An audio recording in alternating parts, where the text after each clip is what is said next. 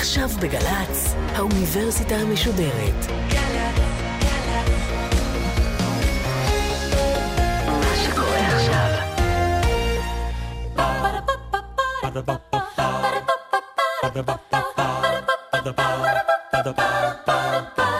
האוניברסיטה המשודרת מציגה מבוא ל עם קובי מידן והסמסטר טקסטים מכוננים של הישראליות. והפעם שיחה עם הדוקטור גדי טאוב מהאוניברסיטה העברית על אלטנוילנד מאת בנימין זאב הרצל. עורכת ראשית מאיה גאייר. שלום לכם. אנחנו מתחילים היום קורס חדש באוניברסיטה המשודרת, והקורס הזה עוסק במה שאנחנו קוראים לו הטקסטים המכוננים של חיינו כאן. מאלטנוילנד ועד חנוך לוין, מהרב קוק ועד מחמוד דרוויש, מביאליק ועד דבורה עומר. יש כאן טקסטים שחשיבותם מוקנית להם מהשפעתם התרבותית, הציבורית, אולי פעם, אולי היום, ויש גם טקסטים שהחשיבות שלהם נוגעת בעצם העיסוק שלהם בעורק מהותי של חיינו כאן, לאו דווקא מכיוון שהם צברו הרבה כוח והשפעה. שאלנו את עצמנו אם אפשר או כדאי להוסיף אה, לשם הקורס ה' הידיעה, כלומר, הטקסטים המכוננים של חיינו כאן, והתשובה היא כמובן לא, אין לנו שום יומרה להציג איזו רשימה שיש בה אמת אחת, או במילים אחרות ברור שניתן היה להרכיב לא מעט רשימות חלופיות ומוצדקות, אבל זו הרשימה שלנו. ננסה לעשות עם הטקסטים הללו מה שעושים עם טקסטים וגם טקסטים מכוננים, להבין אותם מתוכם וגם מתוך ההקשר שלהם, ההיסטורי, התרבותי, הפוליטי, וגם לשאול במידה שהטקסטים הללו לא קיימים היום בתודעה של אנשים צעירים, למשל בישראל, האם עדיין נכון לקרוא להם טקסטים מכוננים? או במילים אחרות, כיצד הם והאם הם עדיין משפיעים על חיינו כך? הנה בקיצורים קלים, כך מתחיל הטקסט הראשון שבו נעסוק היום. דוקטור פרידריך לבנברג היה שקוע במרה שחורה. הוא ישב ליד שולחן שי שגול בבית קפה ברובע אלזנגרונד, אחד מבתי הקפה הישנים והנעימים שאפשר למצוא בווינה. כבר שנים מאז שהיה סטודנט הוא נוהג לבוא הנה כל ערב בדייקנות של פקיד, בשעה חמש. הוא התיישב ליד שולחן הקריאה העגול, שתה קפה וקרא את כל העיתונים שהמלצר אסף למענו בנאמנות.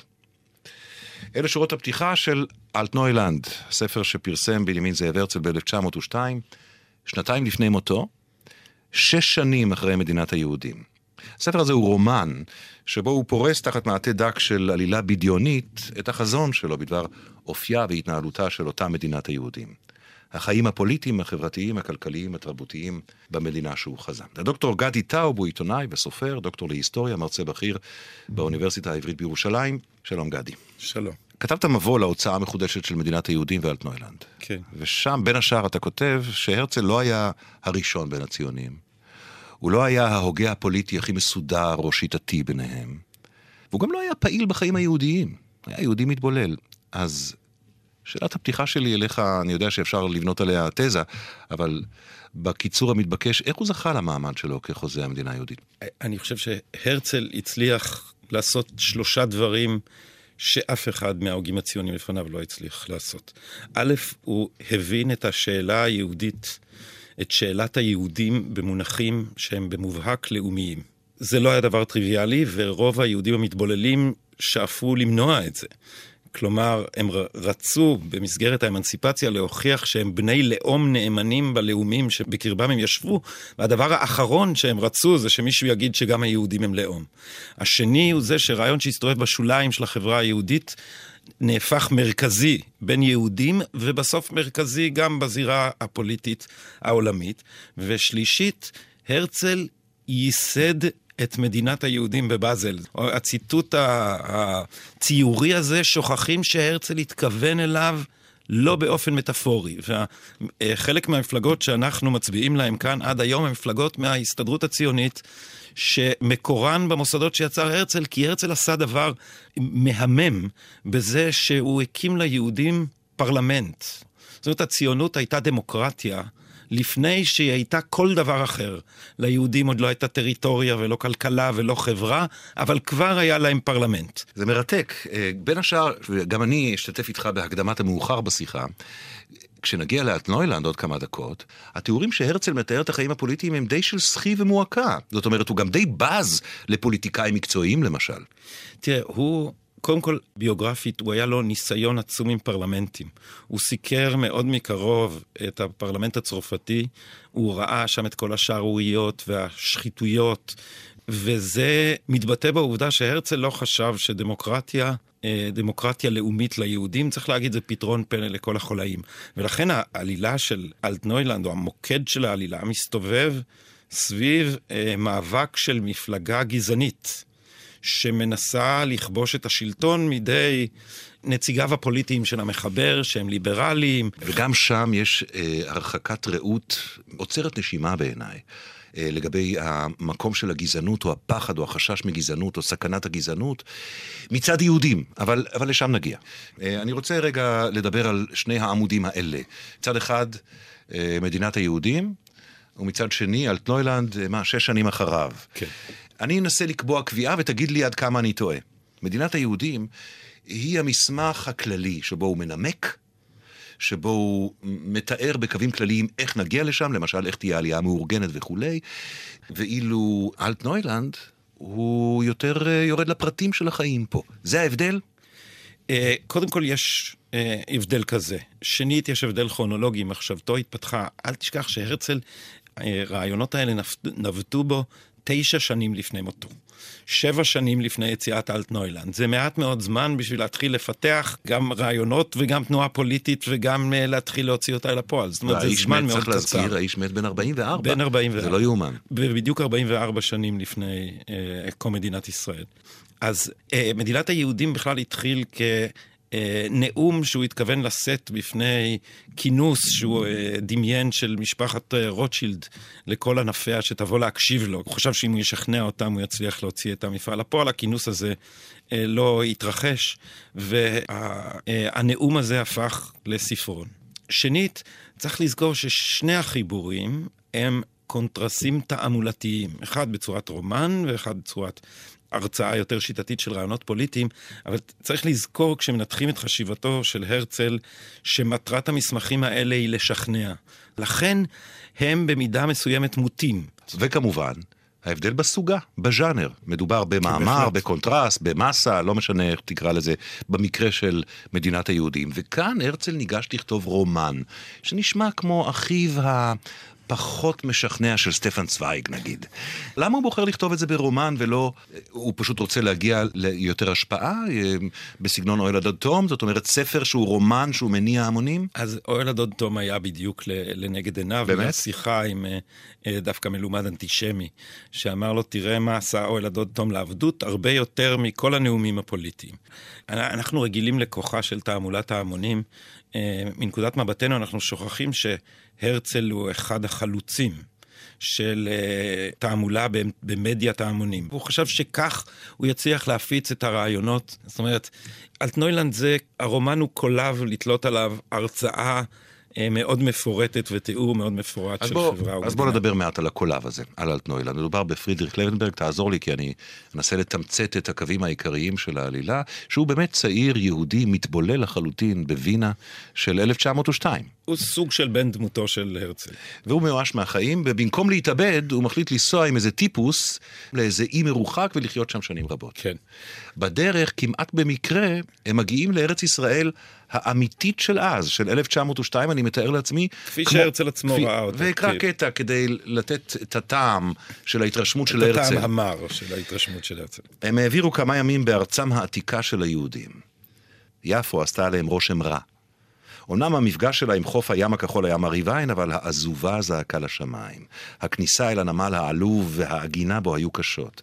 הסמטאות המזוהמות והמוזנחות הסריחו, והעוני המזרחי הצבעוני זעק מכל פינה. סמטאות העיר היו מלאות טורקים עניים, ערבים מלוכלכים ויהודים מפוחדים. כולם חסרי קול ומיואשים, ריח מוזר ומעופש, ריח של קבר הקשה על הנשימה. ובהמשך הם עולים לירושלים במסילת ברזל גרועה במיוחד, וגם בדרך הם רואים, אני מצטט, מראות קשים של ניוון. ופרידריך, הגיבור, אומר, אם זאת הארץ שלנו, הרי שהיא הידרדרה כמו שהידרדר העם שלנו. כן. אז הרבה יש מה לומר על, ה, על הקטע הזה, הוא מבוסס בהחלט על חוויות של הרצל, שבין השאר כשהוא ביקר פה גם היה חולה, והייתה לו אה, חוויה מאוד קשה ואכזבה מאוד קשה. אז חלק מהאכזבה זה ברור, כשחולמים על משהו, מתפללים לציון אלפיים שנה, שום ציון ממשית, אלא אם כן היא מצופה זהב, לא יכולה לעמוד בציפיות האלה. אבל צריך לזכור שהרצל הוא גם בן תקופתו. אה, אדם בעל השקפה פרוגרסיבית באירופה בסוף המאה ה-19, ושוכחים שהשקפה פרוגרסיבית מניחה שיש פרימיטיבי ויש מתפתח ויש מפותח. ואירופה ראתה את עצמה בעיקר כמפותחת. את זה אחר כך אה, גלגלו להשקפות שאתה יודע, בשיטת הפענוח הפוסט-מודרנית שבה אפשר אה, אה, להסיק כל דבר מתוך כל דבר, אז, אז עשו מזה בין השאר קולוניאליזם. אבל הרצל היה אחד האנשים הראשונים להבין שהקולוניאליזם הוא דבר חסר שחר. למה? מפני שהקולוניאליזם מפתח את המקום שבו הוא uh, מכה שורש, והוא מקנה לתושבים את הערכים של הקולוניאליסטים. או במילים אחרות, וב... תביאו לכאן את רעיון הלאומיות, אנחנו נתקומם נגדכם עוד כמה שנים. אבל לא רק את רעיון הלאומיות, למשל. גם את רעיון החירות. כן.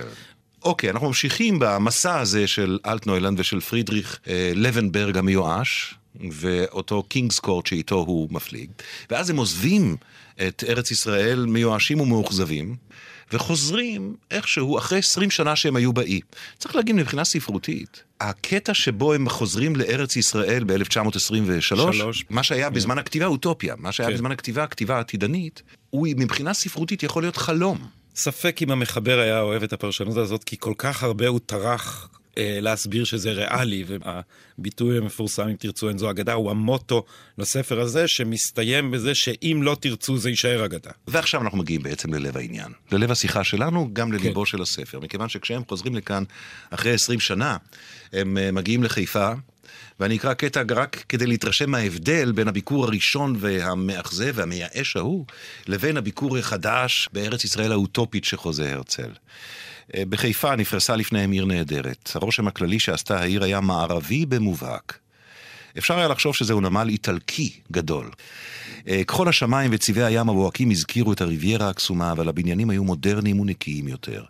התנועה ברחובות, גם אם הייתה סואנת, הייתה פחות רועשת. הסיבות לכך היו התנהגותם המאופקת והרצינית של בני המזרח, והיעדרן המוחלט של בהמות מסע. הכבישים היו חלקים ממש כמו המדרכות והמכוניות, נסעו בשקט יחסי על צמיגי גומי, ואז הם שומעים קול גלגלים מעל הראש שלהם, מרימים את העיניים ורואים את קרון הרכבת, כלומר את הרכבל החשמלי. והמארח שלהם פה אומר, מה? אתם ראיתם בטח כזה באירופה, הם ה-20 שנה לא היו באירופה, אבל בחיפה יש רכבל חשמלי אה, מודרני ומתקדם. אני רואה שזה העיר את רגישויותיך הפוסט-קולוניאליות כשהוא אה, הביא את המערב למזרח, אבל זה הדבר הכמעט מובן מאליו למשכילים בני זמנו פרוגרסיביים, ואני חושב שכדאי אה, להבדיל בין ההשקפות האלה, אה, למשל ההתרחקות ה... אה, גם אינטלקטואלית וגם מוסרית של הרצל מכל דבר שנראה לו גזעני. דבר ראשון, היהודים בעצמם הם לא גזע בעיניו. והיחס שלו למקומיים היה ספוג בהתנשאות האירופית שהניחה שהקדמה זה דבר שניתן למדוד אותו, שהוא מדעי, ושאם יש לך מכונות יותר טובות אתה יותר מתקדם. מדהים. הדבר שהכי הרשים אותו בביקור שלו במזרח התיכון, מהכל, היה תעלת סואץ. בשבילו הדבר הזה שהנה אנחנו משנים את פני כדור הארץ, באמצעות הרצון האנושי.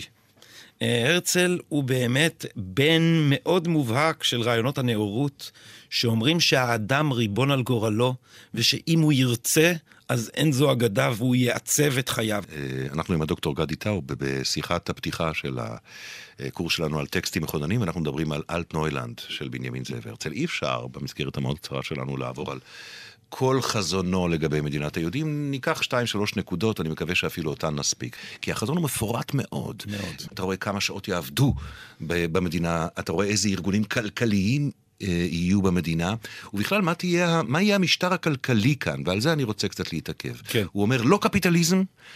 ולא קומוניזם, או לא סוציאליזם, אלא משהו באמצע, בעצם סוציאל דמוקרטיה. הוא קורא לזה? מוטואליזם. הדדיות. הער מעט.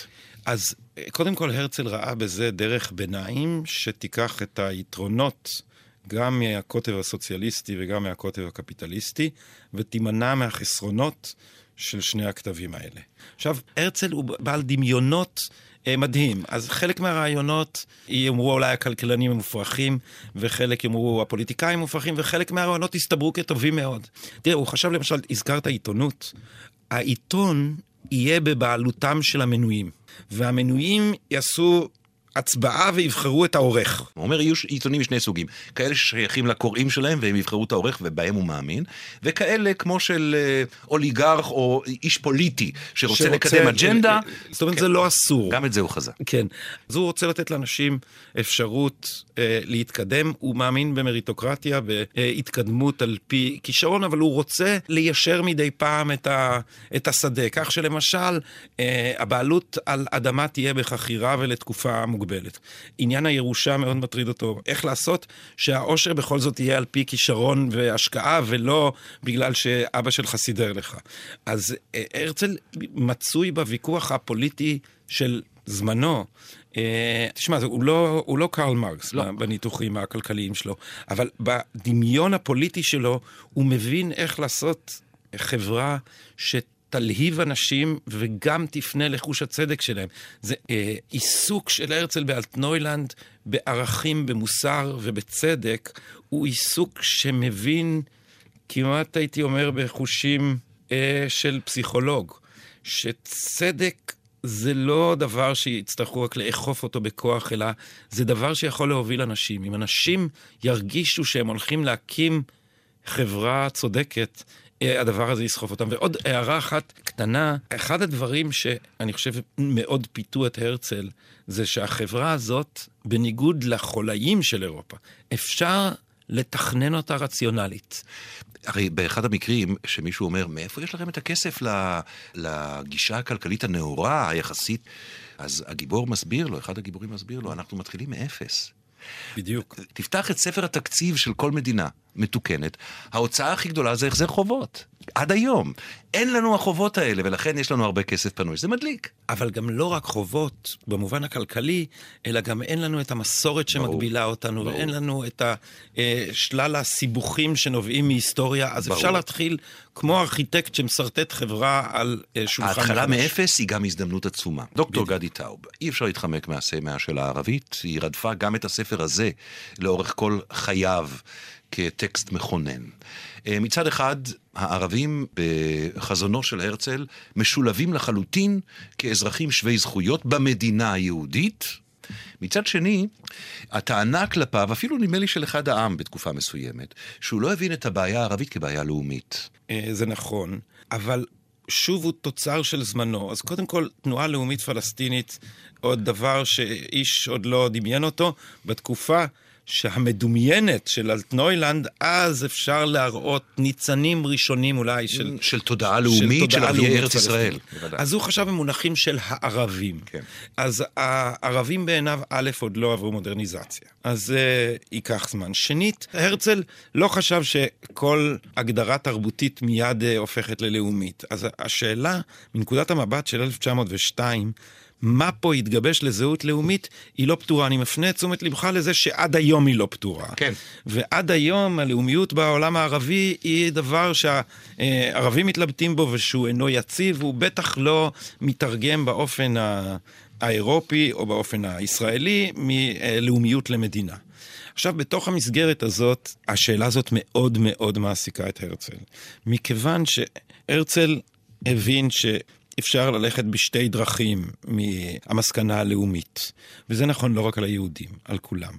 אפשר לתפוס את הלאומיות כדבר שבסופו של יום הוא האמצעי לחברות במשפחת האנושות. זאת האנושות מורכבת, היא משפחה של לאומים, ואז אתה מבין שהשני זכאי לזכות ההגדרה העצמית משום שאתה רוצה בה. דומה לתפיסה הליברלית על אינדיבידואלים. והתפיסה השנייה זה להגיד, הלאומיות שלי היא שלילה של כל זהות אחרת. אותי לימדו שזה ההבדל בין לאומיות ללאומנות. כן. אצל הרצל בפירוש יש הבדל כזה. הדבר הזה חוזר כל הזמן הוא אומר, אנשים יהיו טובים זה לזה רק כשלכולם תהיה מולדת. אז נשאלת השאלה, למה הוא לא הבין שלרשיד ביי גם צריכה להיות מולדת? רשיד ביי הוא אותו או, uh, מהנדס ערבי, ירושלמי, עמיד, כן. שרואה את עצמו שותף למפעל היהודי בארץ ישראל, מכיוון, וזו התפיסה של הרצל, מכיוון שהוא מבין שזה מיטיב את מצבו. כן. זאת אומרת, כשמאשימים פה את החיבור בקולוניאליזם, הרצל לא ראה את הילידים ככוח עבודה זול. זה הוא ראה חברה שבה הם משתלבים, השאלה היא איך הוא תפס את זהותם. וזה ברור שהוא תפס את זהותם כזהות תרבותית, כי הוא מתלבט בשאלה מה לעשות עם הערכים שלהם. ומתי זה מגיע? כששואלים את השאלה, מה לגבי נשים ערביות? כי הרצל, התנועה הציונית בכלל, אה, נתנה זכות הצבעה לנשים לפני שאיזושהי מדינה באירופה אה, עשתה את זה. והיה ברור להרצל ששוויון מגדרי זה חלק מהחזון שלו למדינה היהודית. עכשיו, בתרבות הערבית האישה כפופה לגבר ומקומה בבית. מאחר שהרצל רצה לתת גם מקום שווה לערבי כאינדיבידואל, כאזרח, נשאלת השאלה, המאוד תחשוב שהוא חשב על זה אז, זה הרגישויות. שאלה רב תרבותית כמעט שלנו כזאת, היום, בדיוק, נכון. רב תרבותיות. אז נשאלת השאלה, מה צריך לגבור? האם אנחנו צריכים לכבד את המסורת של רשיד ביי ולהשאיר את אשתו בבית? ולהלן הבורקה. כן, פשוט שאלת בדיוק, הבורקה. בדיוק. או שאנחנו צריכים לכבד את השוויון בין המינים ולתת זכויות שוות לפאטמה, אשתו. עכשיו, פאטמה, מכיוון שהיא... זה, כולם פה הם דמויות ייצוגיות, אז הפתרון של הרצל אה, מצד אחד הוא אה, חד וחודר ומצד שני הוא נורא מאכזב. כי הוא אומר שניהם, והתוצאה היא מה? התוצאה היא שהחברה היהודית או המדינה היהודית, כפי שהרצל באמת מתכוון, תיתן לנשים ערביות את האפשרות לשוויון זכויות, והן יחליטו בעצמן אם הן רוצות להישאר בבית או לא. עכשיו, זה שזה מה שפאטמה רוצה, זה פותר להרצל את הבעיה, ואתה מסתכל ואומר, אה, באמת חוכמה. מה, מה יקרה אבל אם היא לא רוצה? וכאן אני מזכיר שזה קונטרס תעמולתי. זה ניסיון להראות, לשכנע אנשים שהדבר אפשרי. אנחנו מסתכלים על זה ואומרים, "אה, זה לא עומד בסטנדרטים בוודאי, שלנו. של בוודאי. שוויון." מי שקרא את זה בזמנו אמר, אולי זה מדי נועז. זאת אומרת, אל תשכח שהרצל כתב מסמך תעמולתי, והרבה דברים הוא חשב שצריך לאזן ככה שהקורא שלו לא אה, ייבהל. ברור, אבל לא כל קוראיו אנחנו- חשבו ששוויון מגדרי זה... אנחנו כקוראים מפרשים, גם כן. אסור לנו להגיד כל פעם שזה מוצא חן בעינינו, תראה איזה חזון, וכל פעם שזה לא מוצא חן בעינינו, להגיד זה חלק מזמנו. דיברנו על כך שבמרכז הביקור של, של הגיבורים בארץ ישראל עומד מסע בחירות. מפלגה ליברלית מול מפלגה יהודית גזענית. אבל התפיסה שלו שגזענות היא גם סכנה שאורבת לנפש היהודית, שנמלטת מגזענות באירופה באותה תקופה. הרי זה מה שדחף אותו, ההבנה שהמניסיפציה היא על סף כישלונה, בגלל גם גזענות. זה מה שדחף אותו לרעיון הלאומי שלו. הוא אומר, גם כשאנחנו נגיע לכאן, כפליטי הגזענות, צריכים להיזהר מגזענות. שזאת חשיבה שקשה להבין אותה.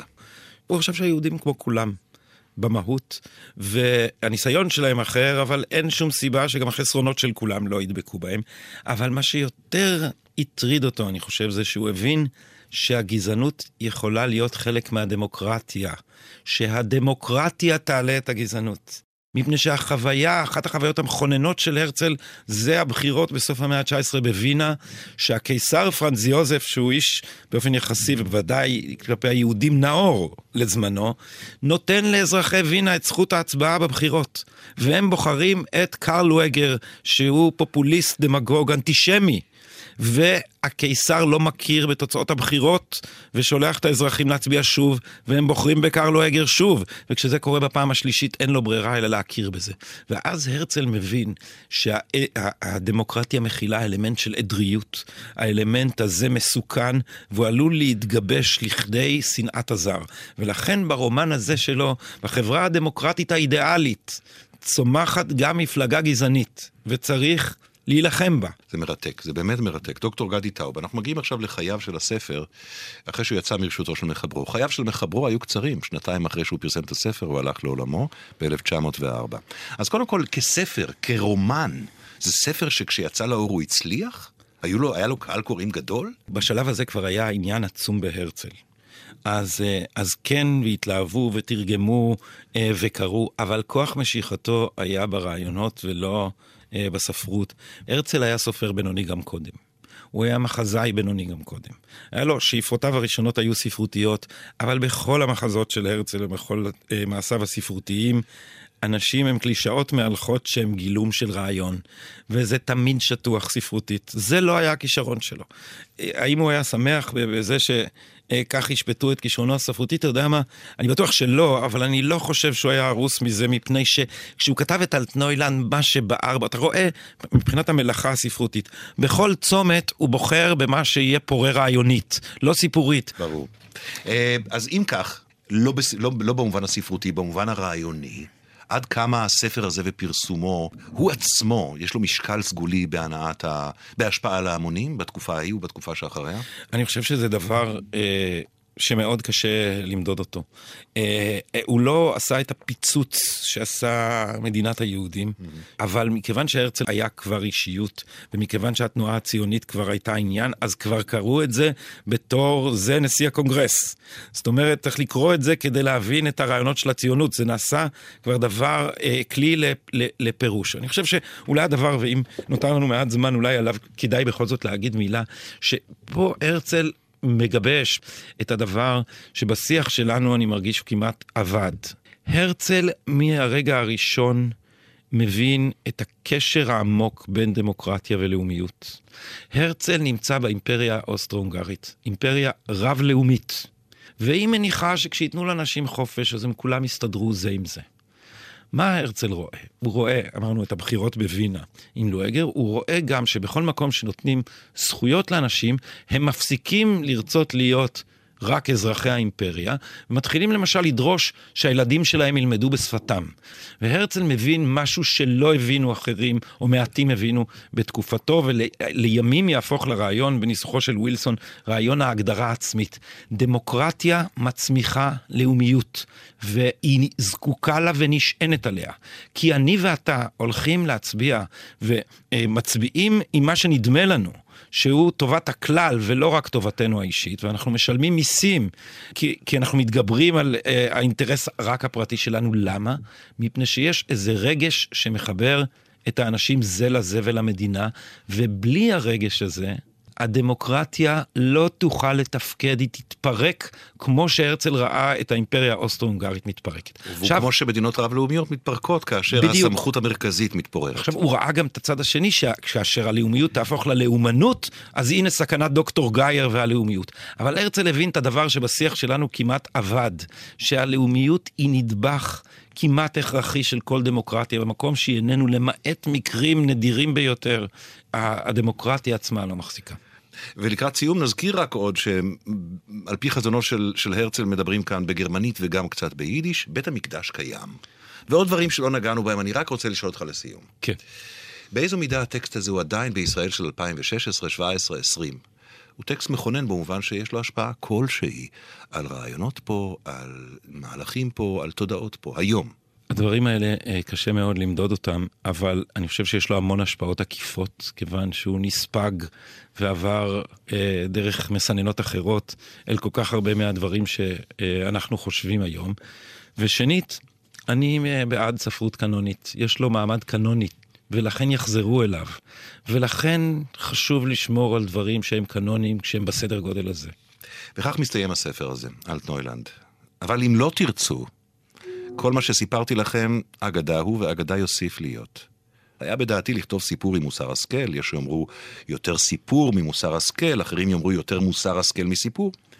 אחרי שלוש שנים של עבודה עלינו להיפרד, ספרי האהוב, כותב הרצל, כעת מתחילים ייסוריך.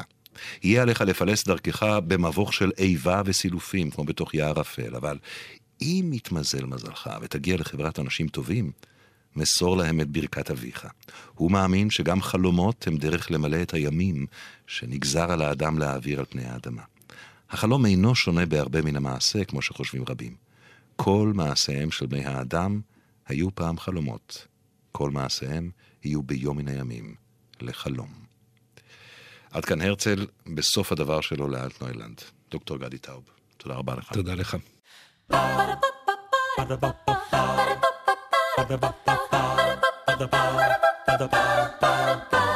האוניברסיטה המשודרת, מבוא ל. קובי מידן שוחח עם הדוקטור גדי טאוב מהאוניברסיטה העברית על אלטנוילנד, מאת בנימין זאב הרצל. עורכת ומפיקה, מיקה נחטיילר. מפיקה ראשית, אביגיל קוש. מנהלת תוכן, מאיה להט קרמן. עורך דיגיטלי, נדב הלפרין. האוניברסיטה המשודרת, בכל זמן שתרצו, באתר וביישומון של גל"צ, וגם בדף הפייסבוק של האוניברסיטה המשודרת.